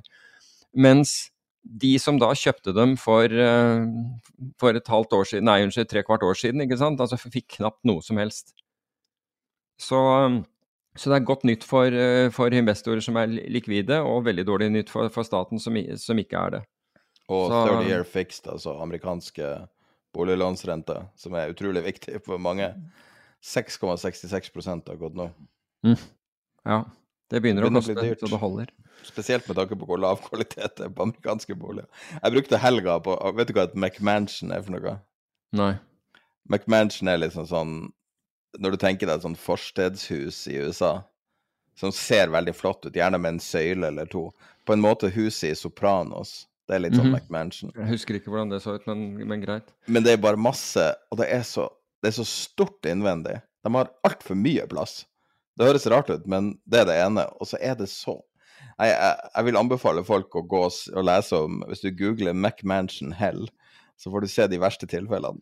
så jeg tenker på at du må betale så mye for de forferdelige boligene i USA. Ja, men gi, meg et øyeblikk ta, ta, ta, ta, ta, ta noe som er out of whack når det gjelder eiendom, da, mens, mens eh, vi, vi er i gang. Og det er at det, det var en oversikt, og igjen, jeg husker ikke hvor jeg. Det kan være at dette var Finansavisen. Jeg beklager hvis, hvis, eh, hvis det ikke er det, og det skal tributes til noen andre. Men at Erik, Erik Claptons uh, villa i, i Syd-Frankrike Prisen på den er omtrent det samme som for en 60 kvadratmeter leilighet eh, på, på, på Frogner. Da, da begynner det å gå. Da begynner, da begynner det å få det i per- perspektiv. Det må være dårlig beliggenhet. Syd-Frankrike er jo svindyrt. Ja, det trodde jeg også, men her var det, det var flere, det var eksempler på flere. Men liksom det var Altså, leiligheter på Frogner koster mer enn Altså, Eric Claptons villa, det er jo sånn at du tenker hm, det hadde ikke vært dumt. Nå må jeg gå og se. Han bor i Lavere skatt. Le Pen. Husker ikke hvor det var. Husker ikke hvor det var, men uh, det er liksom Det er, det er prisen av en Frogner-leilighet. Det er ikke dårlig. Du, er sikker på at du ikke over... Hvor, hvor har du det her tallet fra? Du er helt sikker på det? da? I nærheten av Kanskje ikke ned Jeg ser bilder av det. Det ser Kanskje. ganske Det er ganske heftig, ikke Å sant? ja, ja, ja, du har litt rett. Der ser du. 3,25 millioner dollar. Ja, det, er, det er nettopp. Altså, Det er en fin leilighet på Frogner, da. Ja, ja. Men, men nettopp, ikke sant. Men det begynner å, da, da begynner det å sette ting i perspektiv, syns jeg. Men la oss ta en gladnyhet, da. 740-24. Ja. Hva er det for noe? Tidspunktet der du skal Er Når du våkner om morgenen? Nei, det, nei, jeg er oppe før det. Men det, det var tiden 7 timer, 40 minutter og 24 sekunder. Det var tiden hvor, som Gustav Iden vant Hawaii Ironman i går. Og det er første gang han er med, så det er første gang noen som har vært med for, altså for første gang vinner den. Og det er rekordtiden på Hawaii Ironman. 7 timer, 40 minutter og 24 sekunder. Det syns Altså, ikke bare det, men Christian Blummenfelt, altså en, en annen bergenser, kom på tredjeplass. Ca. tre minutter ja, 2,58 bak, tror jeg, eller noe sånt nå. 2 minutter og 58 bak. Og, og Blumenfeldt har da, har, da, uh, har da verdensrekorden i Ironman, bare så det er sagt. Han er vel OL-mester også, tror jeg. Ja, han har vel klart det. Bare for å ta hva en Ironman er. Du, du svømmer 3,9 km, du sykler 180,2 km, for å så løpe 42,2 km. Og det har Blumenfeldt eh, klart å gjøre på 6 timer, 44 minutter og 26 sekunder. Men da kan jeg ta en overgang til neste tema. Ja, men bare klapp for den, da, for den Ja, okay. er, det der er fantastisk. Der har hun. Tusen takk. Tusen takk. Uh... Føler nesten som jeg gjorde den selv, som jeg har vært med selv. ja, og det, det var akkurat det jeg skulle si, fordi at jeg følte meg som om jeg hadde sprunget en maraton. Eller en Ironman, sorry. Den dagen når statsbudsjettet kom. Altså, Jeg kan ikke huske at jeg noen gang har hylt så mye til TV som den dagen. Altså, Jeg var så forbanna over så mange forskjellige ting at jeg glemte hva den forrige tingen jeg var forbanna over. Og det var så mange utsagn som jeg var uenig med. Jeg har aldri opplevd så sterke negative følelser over noe, tror jeg, noen gang. Men uh, hva syns du om uh, Nei, altså La meg bare ta noen av de der punktene som, som jeg så, fordi er- ellers så kommer vi til å grave oss ned i det for, for resten av denne. Det ene er, og her skal jeg være kontrær og, og holde meg til det jeg har ment eh, lenge, og det er at det er det med at det justerer noe ned på, på, på velstandsgapet. Og velstandsgapet har fått lov å utvikle seg, ikke bare i Norge, men vel, vel, eh, i veldig mange andre land, og har bare blitt videre. Og det er ikke fair. Det er rett og slett ikke fair. Det som derimot hadde vært riktig, det hadde vært om dette hadde skjedd under den, den kraftige oppgangen hvor sentralbanker dyttet aksjekurser til værs. Hadde det skjedd i den perioden, det hadde vært det riktige. Og det hadde, at det hadde kunnet dempe noe på oppgangen, det er, det er godt mulig. Men det hadde vært tidspunktet å gjøre dette på. Men det var ikke denne regjeringen som, som, som nå sitter. slik at den regjeringen som er nå, den, den dealer med situasjonen som er nå. Så at de foretar disposisjoner for å lukke velstandsgapet, det Beklager, men det kan jeg ikke være uenig i. Jeg klarer ikke å være uenig i det. det ikke sant? Og, og, at det går utover de som har I hvert fall noen av de som har, har uh, kunnet nyte, uh, nyte, svært godt av den, den, utviklingen som har skjedd da egentlig fra hva da, 2011 til uh, 2009 for den saks skyld, og, og frem til til og med 2021. Det er heller ikke urimelig. Jeg, det, det, jeg, klarer, ikke, jeg klarer ikke, å hisse meg, hisse meg opp over det. Men så har man ting med dette som, som ikke er logisk. Og det, det ene er altså at, at, du hever, eh, at, du hever, utbytteskatt og, og skatt på aksjer. Men, men, så lar du Altså, hva er det aksjer gjør? Jo, det er, det er risikokapital til bedrifter. Med andre ord at du får en andel av bedriften, men du har ingen garantier ut, utover det. Er det da riktig å straffe det i forhold til eiendom og obligasjoner? Den er jeg helt uenig i. Fordi hvor er det problemene blant annet har ligget? Hvor er det den største delen av denne velstanden har kommet fra? Jo, det har kommet fra eiendomsmarkedet og de som har spekulert i eiendomsmarkedet. Der beholder man der beholder man den, den, den, den, samme skattesatsen, som faktisk gjør eiendom mer interessant å investere i enn før det, det, dette tiltaket, og da aksjer mindre interessante. Så, du, så du får lavere skatt på å, å, sette pengene dine i noe som da presumptivt, i hvert fall når det gjelder obligasjoner, er, er sikrere, og høyere skatt på aksjer, det, det gir ikke helt mening, eh, syns jeg. Så der burde, man, der burde man, definitivt ha, ha tenkt seg om. Og, og, det var som en eller annen sa i en eller annen avis i dag, beklager igjen, jeg har, jeg har amnesia når det gjelder hvilke jeg har, har lest, beklager det. Men er ikke bare å, å, vil det ikke bare være å øke skattesatsene uh, for, for, for, det de definerer som rike? Her, her blir jo skattesatsen økt for, for, på lønninger over 750 000, som Arbeiderpartiet velger kanskje den største velgergruppen sin, å alienate dem, det, det, det, skjønner jeg ikke. Men Og økt arbeidsavgift gir heller ingen mening, eh, etter, etter, min oppfatning. Du skal straffe bedriften for å ansette mennesker. Er det virkelig det du vil? At isteden at de, de, sier nei, det blir for dyrt. Vi utnytter hele arbeidsstokken som, som, som er, og vi ansetter ikke noen flere mennesker. Det høres ikke veldig, veldig, veldig smart ut.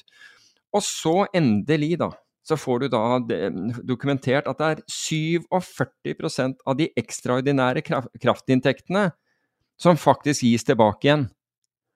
Fordi har jo, Det har jo vært hele tiden snakk om at hvis vi gir noe mer av det der, så, så går det utover sykehuset, og det går utover, det blir ikke noe sykehus, og det blir iskaldt der, og Forsvaret må nedlegges og, og den biten der.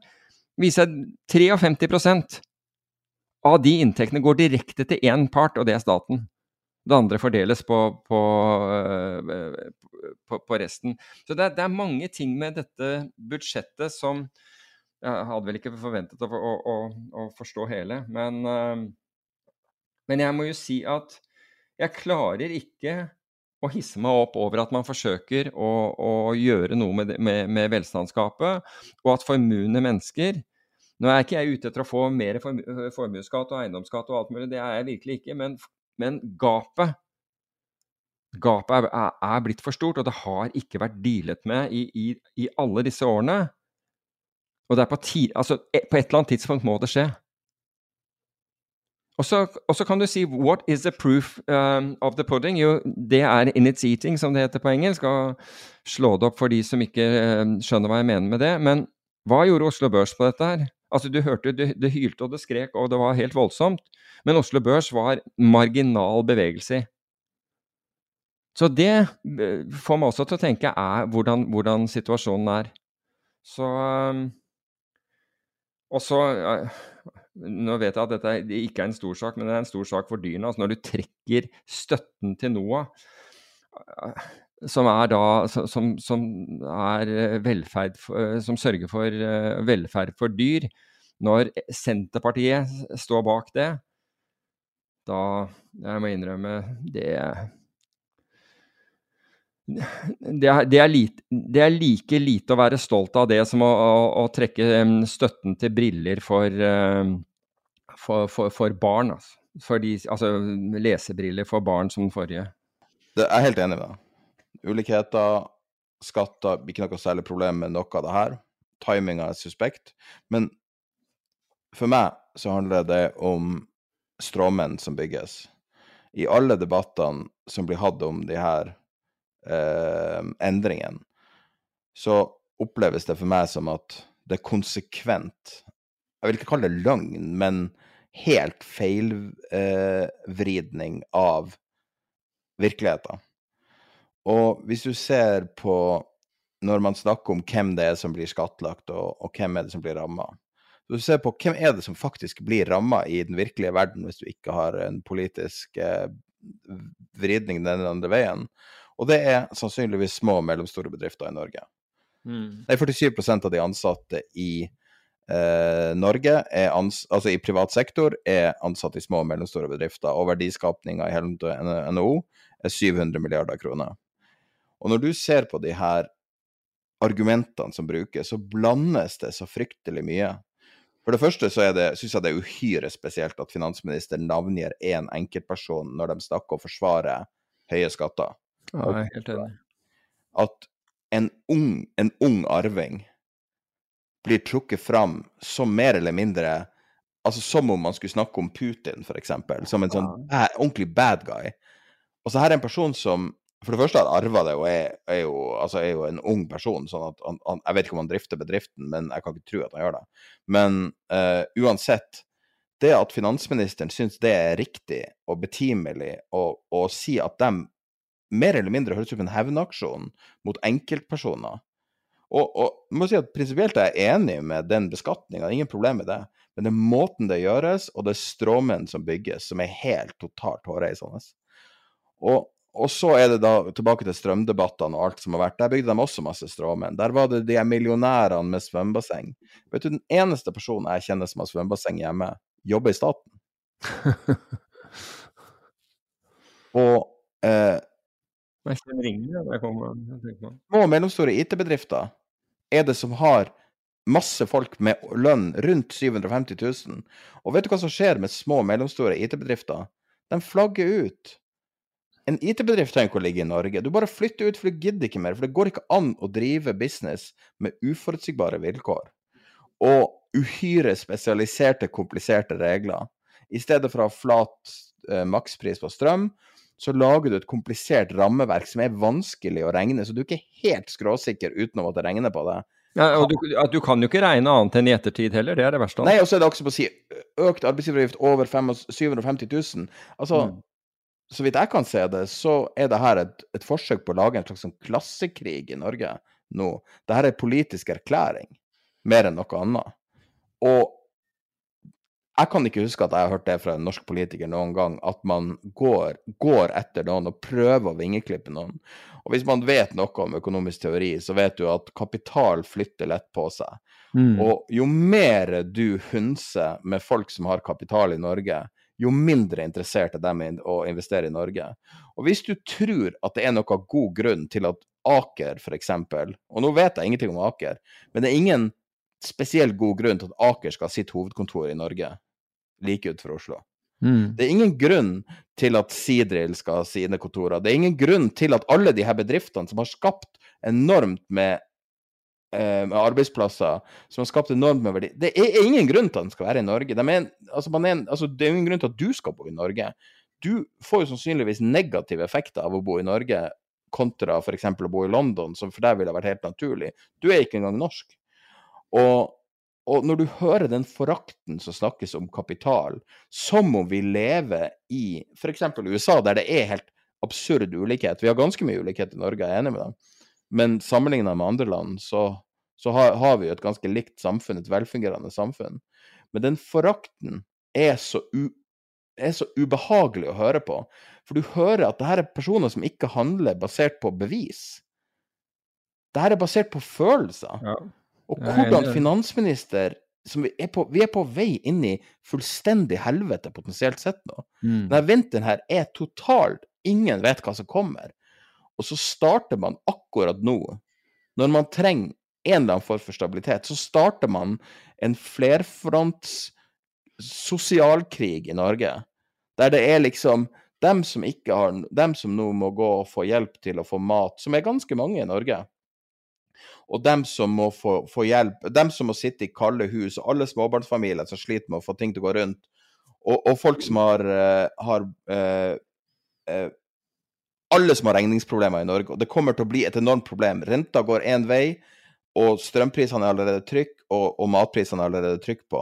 Det her ser utrolig stygt ut. At man skal innlede akkurat nå de mest på en måte sleivsparkøkonomipolitikken Nei, det Jeg er helt enig i det. Og altså, har du fått med deg at inkassoandelen hos, hos uh, nordmenn over 70 år har gått opp med 26% Og der er det renter og salærer utgjør 65% av kravene. De hadde vært noe å sett på hvis du skulle liksom gjøre bedre for noen. Men nei, det er, det er som du sier, det uh, altså, 70-åringer, ja, folk som det, det, bryr vi oss ikke om, det er ikke noe populært. Så vi, vi går etter noe som en eller annen arving eller noe sånt, som vi kan navne altså, vi har jo en ar altså, det, altså, vi har jo en arving som tar avgjørelsene i Norge. Ja, det er sant. Og man skal være litt forsiktig med Altså, jeg kjenner en del arvinger, og jeg vet hva det vil si gjennom kjennskap å arve mye penger. Jeg kan fortelle deg at å, å, være arving For det første så hater de fleste arvinger jeg kjenner, å arve fordi at de føler at de ikke klarer noe å gjøre noe sjøl. Og det jeg har opplevd, er at de ofte også ikke klarer å gjøre noe sjøl. Fordi at de mangler den sulten som, som er driften. Og Nei, jeg, jeg, er bare skeptisk, jeg er bare forbanna. Jeg klarer ikke å holde tilbake. Jeg tror jeg må klippe bort noe der. Men, men, men det er det er så Det er så fra et sånn fra et sånt fundamentalt ståsted fra hva du prøver å gjøre.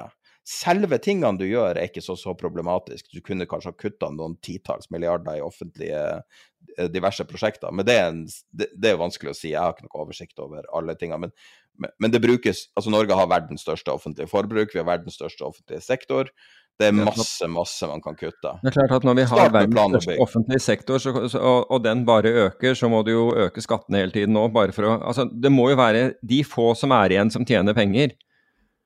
De, de får jo hele byrden. Offentlig, det her er jo den grafen som har blitt eh, delt mye på internett. Offentlige utgifter som andel av BNP. Så er Fastlands-Norge mm. soleklart i ledelsen. Over 60% og det, og det er ikke akkurat de mest eh, fantastiske landene vi har med oss. Frankrike, Hellas, Italia. De siste 90 dager har 690 selskaper i, i, Norge gått konkurs. Det er en oppgang på 32% Tror du dette budsjettet her vil bedre eller forverre det? Det, det er ingen tvil om. Ant, antall offentlig ansatte uh, er Norge det eneste landet som prosent av uh, totale ansatte Er Norge det eneste landet over 30 Nummer neste er Sverige og Danmark, selvfølgelig, og Island og Finland. Men det som er vanlig, det som er snittet, er et sted mellom 20 og 25% Og Japan er et velfungerende land. Der er det 5 Og de, i de her 30% så regner man ikke med de her 70 pluss offentlige selskapene. Det kommer ikke engang med i det her. Statnett, Statkraft, Equinor er ganske mye offentlig eid. Det var nok. Nå skal ikke jeg si noe mer om budsjettet.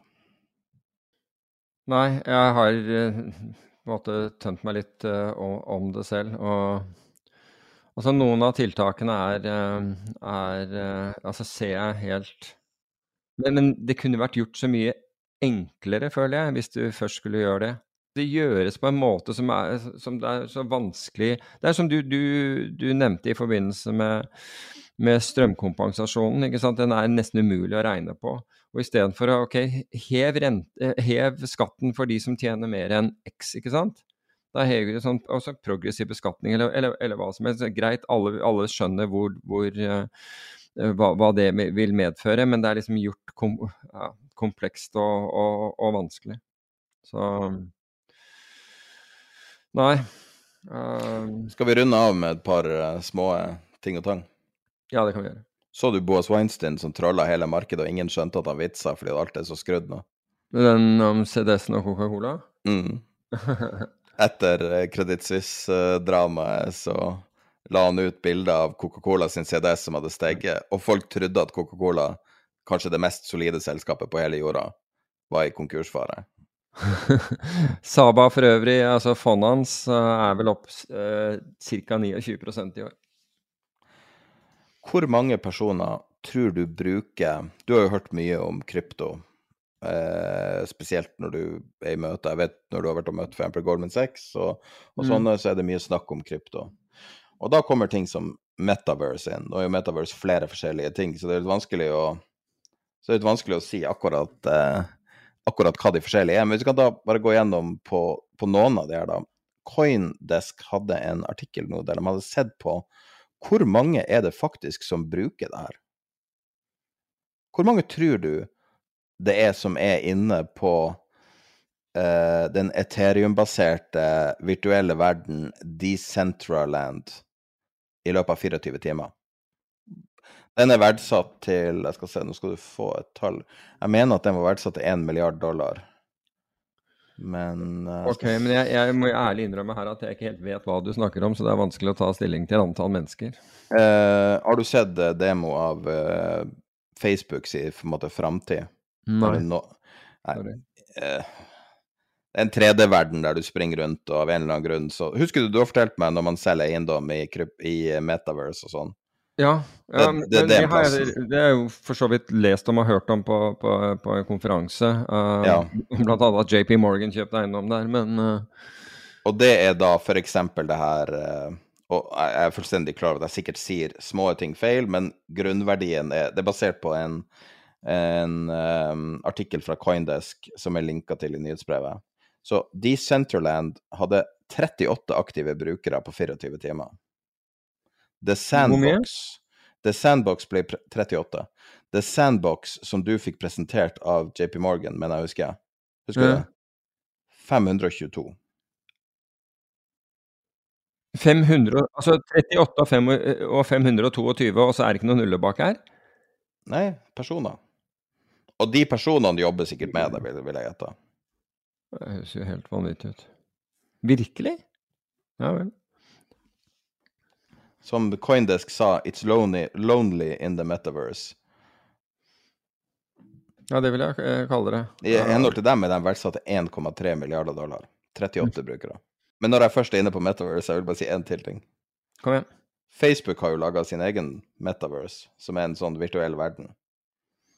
De klarer ikke å få sine egne ansatte til å bruke det engang. Wow. Det skriver The Word. Nei, jeg må innrømme at jeg har, jeg har enda ikke helt klart å forstå The Metaverse, men, uh, men jeg har gjort noen forsøk, men uh... Du går rundt i en verden, du tar på deg VR-briller, så går du rundt i en verden, og av en eller annen grunn så begynner du å få et, en urge til å begynne å bruke penger der. Det er vel omtrent okay. det. Men altså, det der å ta på deg eh, 3D-briller og, og, og se en verden rundt deg, eller spille pingpong eller hva som helst, det er vel ikke noe nytt, det? Er det det? Eller hva, Nei, det er ingenting av det her som er nytt. det er bare Facebook som sier det er nytt. Eller de her som skal selge kryptorelaterte prosjekter, Mm. som sier det er nytt. Men det ligner jo veldig mye på det som heter Second Life, som kom på 90-tallet. For øvrig så jeg akkurat nå at jeg, eh, at jeg eh, underrepresenterte Side Haidars uh, Jupiter-fond, som vi snakket om i sted. Jeg trodde det var 224 Det er 274 han har oppe i år, bare så det er sagt. Når det gjelder Altså, vi fikk jo inflasjonstall i dag på 6,9% og bare kjapt ta noe om det. Altså hvor er det dette kommer fra? Jo, altså drivstoff er, er den store komponenten her med nesten 33 Um, økning. Det er ikke noe rart liksom, øh, på, på et år. Men man må ikke glemme matvarer som er rett i underkant av 12% Så det at Altså med en svak krone og en, en svekkende krone, så er, så er det ikke forbausende og et kostnadsnivå som går opp, så er det ikke for, så, så jeg er litt sånn ble, Det virket som folk ble så overrasket over, over tallet. Um, jeg kan ikke si at jeg er veldig overrasket. Jeg, ikke det at jeg kunne sagt om det skulle være 6,9 eller, eller 7 eller 6,7 eller et eller annet sånt, jeg kunne ikke det, men, altså, men retningen på dette her, den og, jeg, jeg kan ikke si at jeg ble sjokkert over det. Er ikke det bra at tallet representerer virkeligheten? i stedet for at vi får et gunstig lavt tall som vil føre til feil rentesetting? Jo, Er ikke altså det bedre å ha reelle tall? Jeg vet ikke. Jo, men altså, vi, vi må også huske på at eh, økte skatter og avgifter og alt mulig sånn, alt bidrar altså egentlig til at, at reelt sett at inflasjonen stiger. At du får mindre penger, du, mindre penger å rutte med. Det eneste Så- jeg hører fra folk, er at eh, alle skal spare i hytta pine overalt. All, uansett hvordan samfunnslag du er i. Ja, altså det er jo veldig bra at folk har, har, har penger til å spare, da, men, men det, det sier jo også at forbruket kommer til å bli betydelig redusert. Og det er jo, det er jo helt voldsomt. altså De bilavgiftene, altså alt det der så rundt, rundt elektriske biler som vi har gjort alt det vi kunne for å ha, og nå, det, nå, går det liksom på nei, Du får ikke lov å ha bil som er større enn det, og du, du har ikke råd til et batteri som er større enn det. Så, så, så det ender med at folk kjøper fossilt for, fordi det elektriske ikke dekker behovet. Men det Er dekker jo ikke behovet. Det gjør jo ikke det med en elbil. Det er jo en, en myte. Ja. Selvfølgelig Men er det det når du ikke kan kjøre så langt du vil. Selvfølgelig Ja, er det det. jeg er enig i det. eh, Uten å bli stående i 30-40 minutter eh, et eller annet sted, ikke sant? Og, eller, eller lenger. Men det er jo, altså, det er jo ikke noe feil. Altså, elbiler har jo sin rolle, men det er den her ekstremismen og at man skal straffe folk i hytt Ja, og pine. Altså, det er jo ikke så veldig mange år tilbake før det samme skjedde med dieselbiler. Jeg vet ikke om du husker det? En par regjeringer siden. Først var det veldig store jo, jo. jo. Altså, det, det var jo. Kristin Halvorsen, eller, eller sånn opprinnelig, og så Altså, da skulle jo alle bytte til diesel. Jeg var dum nok til å gjøre det selv. Um, og så plutselig Nei, da skulle du ikke da, så da skulle du straffes for å, for, for å ha, ha dieselbil. Altså, det er jo Men det er jo, det er jo typisk politikere. Ingen tar ansvar. Det koster de ingenting å ta feil. Og det er forskjellen på næringsliv og, og politikk. I næringsliv så må du betale for dine egne feil. I politikken nei. Er det helt krise, så tar du en sykemelding. Men kan vi runde av? Du har to punkter du har notert ned. Vi kunne kanskje ha runda av på dem. Uh, er det? Linje seks. Du sjøl Ja. som har skrevet det. Ja, ja, ja, akkurat. Jo, altså det, det, um, eh, det som var de to punktene Altså jeg så, så at endelig Altså så ga faktisk DN, som jeg syns har vært eh, nesten udelt negativ til, eh, til, til Trøim under covid og det, og, det som fulgte eh, etterpå. Altså, han slet for å betale og, og restrukturere og gjøre dette. og det ba, altså, Han ble dømt nord og ned, mens andre som fikk, eh, fikk midler, de omtalte man på en helt annen måte. Der, Deriblant uh, Norwegian. Så sto Trøim alene, bankene forlot han, alle utenom én. DNB, det skal du ha for.